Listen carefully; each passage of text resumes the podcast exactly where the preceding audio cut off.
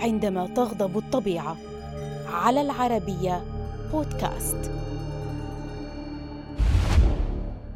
أبريل ومايو ويونيو ثلاثة أشهر ارتبطت بارتفاع درجات الحرارة في جنوب آسيا وتحديدا في المنطقة الممتدة بين الهند وباكستان. ولأن البلاد اعتادت ذلك قبيل موسم الأمطار فلا شيء يدعو للقلق لكن ما حدث في صيف 2015 كان أكثر من مقلق بل ربما هو أسوأ الكوارث التي عرفتها المنطقة خلال العقد الماضي فما القصة؟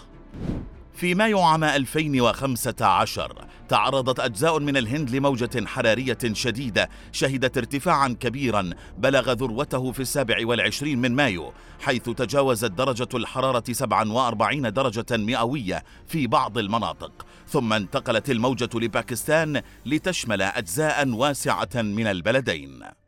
لم يكن من السهل البقاء خارج المنزل وحتى داخله إذا ما أخذنا بعين الاعتبار انقطاع الكهرباء عن بعض المنازل بسبب إجهاد شبكة الطاقة الكهربائية في بعض المناطق فأصبحت المراوح ومضخات المياه ومكيفات الهواء عديمة الفائدة. أما بالنسبة للمدن الساحلية جعل الهواء الرطب درجات الحرارة المرتفعة أكثر خطورة ومهددة للحياة.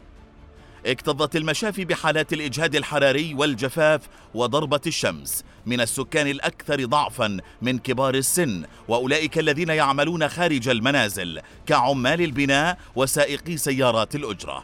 ما أثقل كاهل القطاع الصحي فيما أصيبت غالبية قطاعات العمل بالشلل. تسببت الحرارة الشديدة في مقتل ما لا يقل عن 2300 شخص في الهند. ووقعت معظم الوفيات في ولايتي أندرا براديش وتيلانجانا بجنوب شرق الهند. كما تم الإبلاغ عن العديد من الوفيات في ولايات أوديشا وجوجارات والبنغال الغربية.